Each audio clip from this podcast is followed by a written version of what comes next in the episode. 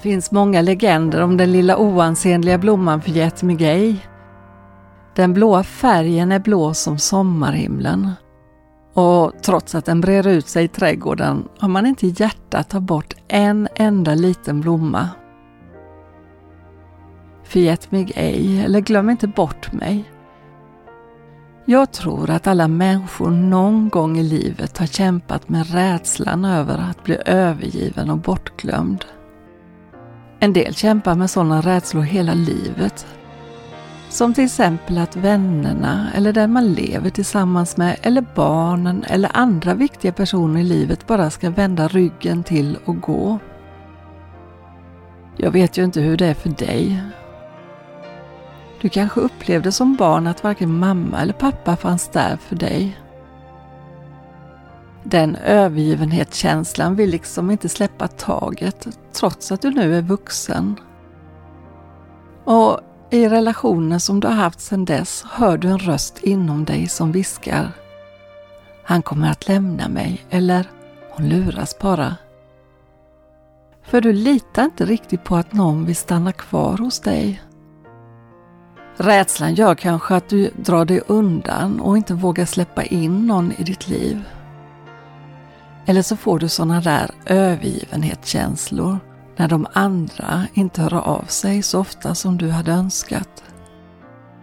Du lämnas kvar med känslan att ingen, nej ingen i hela världen bryr sig om dig.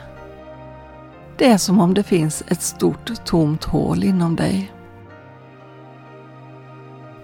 Men vet du, jag tror att alla människor är skapade med ett tomrum inom sig. Vi letar efter något, men vi vet inte riktigt vad vi letar efter. Det är någon slags rastlöshet som poppar upp med jämna mellanrum.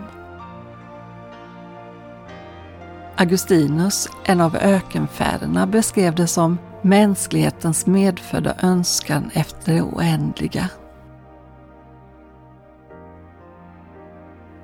Det är kanske så att det som du har upplevt gör det svårt för dig att tro att det finns en Gud som bryr sig om dig. Men vet du vad det står i Bibeln? Jo, kan en mor glömma sitt lilla barn att förbarma sig över sin livsfrukt? Och även om hon skulle glömma så glömmer jag inte dig. Se, jag har skrivit dig på mina händer. Skrivit dig på mina händer. Ja, du vet, den Gud jag tror på har själv upplevt den totala övergivenheten. I natt kommer ni alla att överge mig, sa Jesus till sina lärjungar innan han skulle dö för mänskligheten.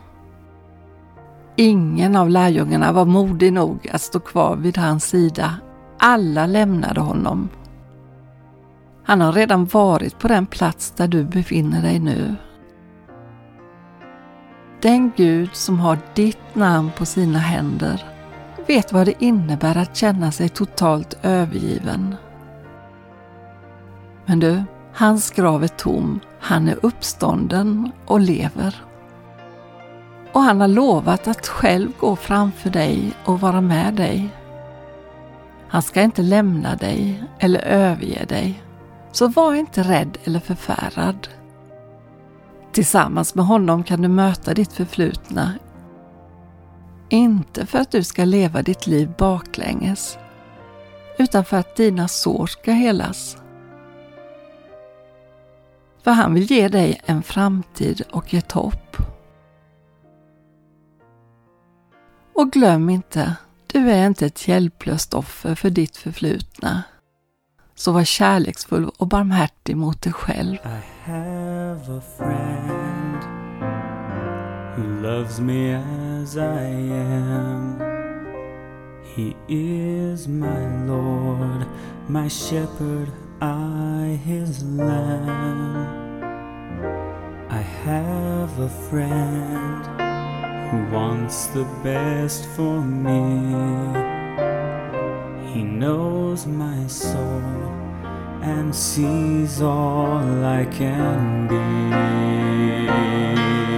He came to show us how to live. He came with so much love to give.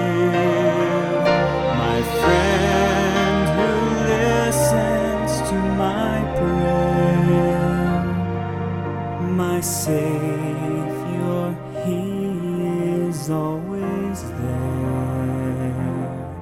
I have a friend.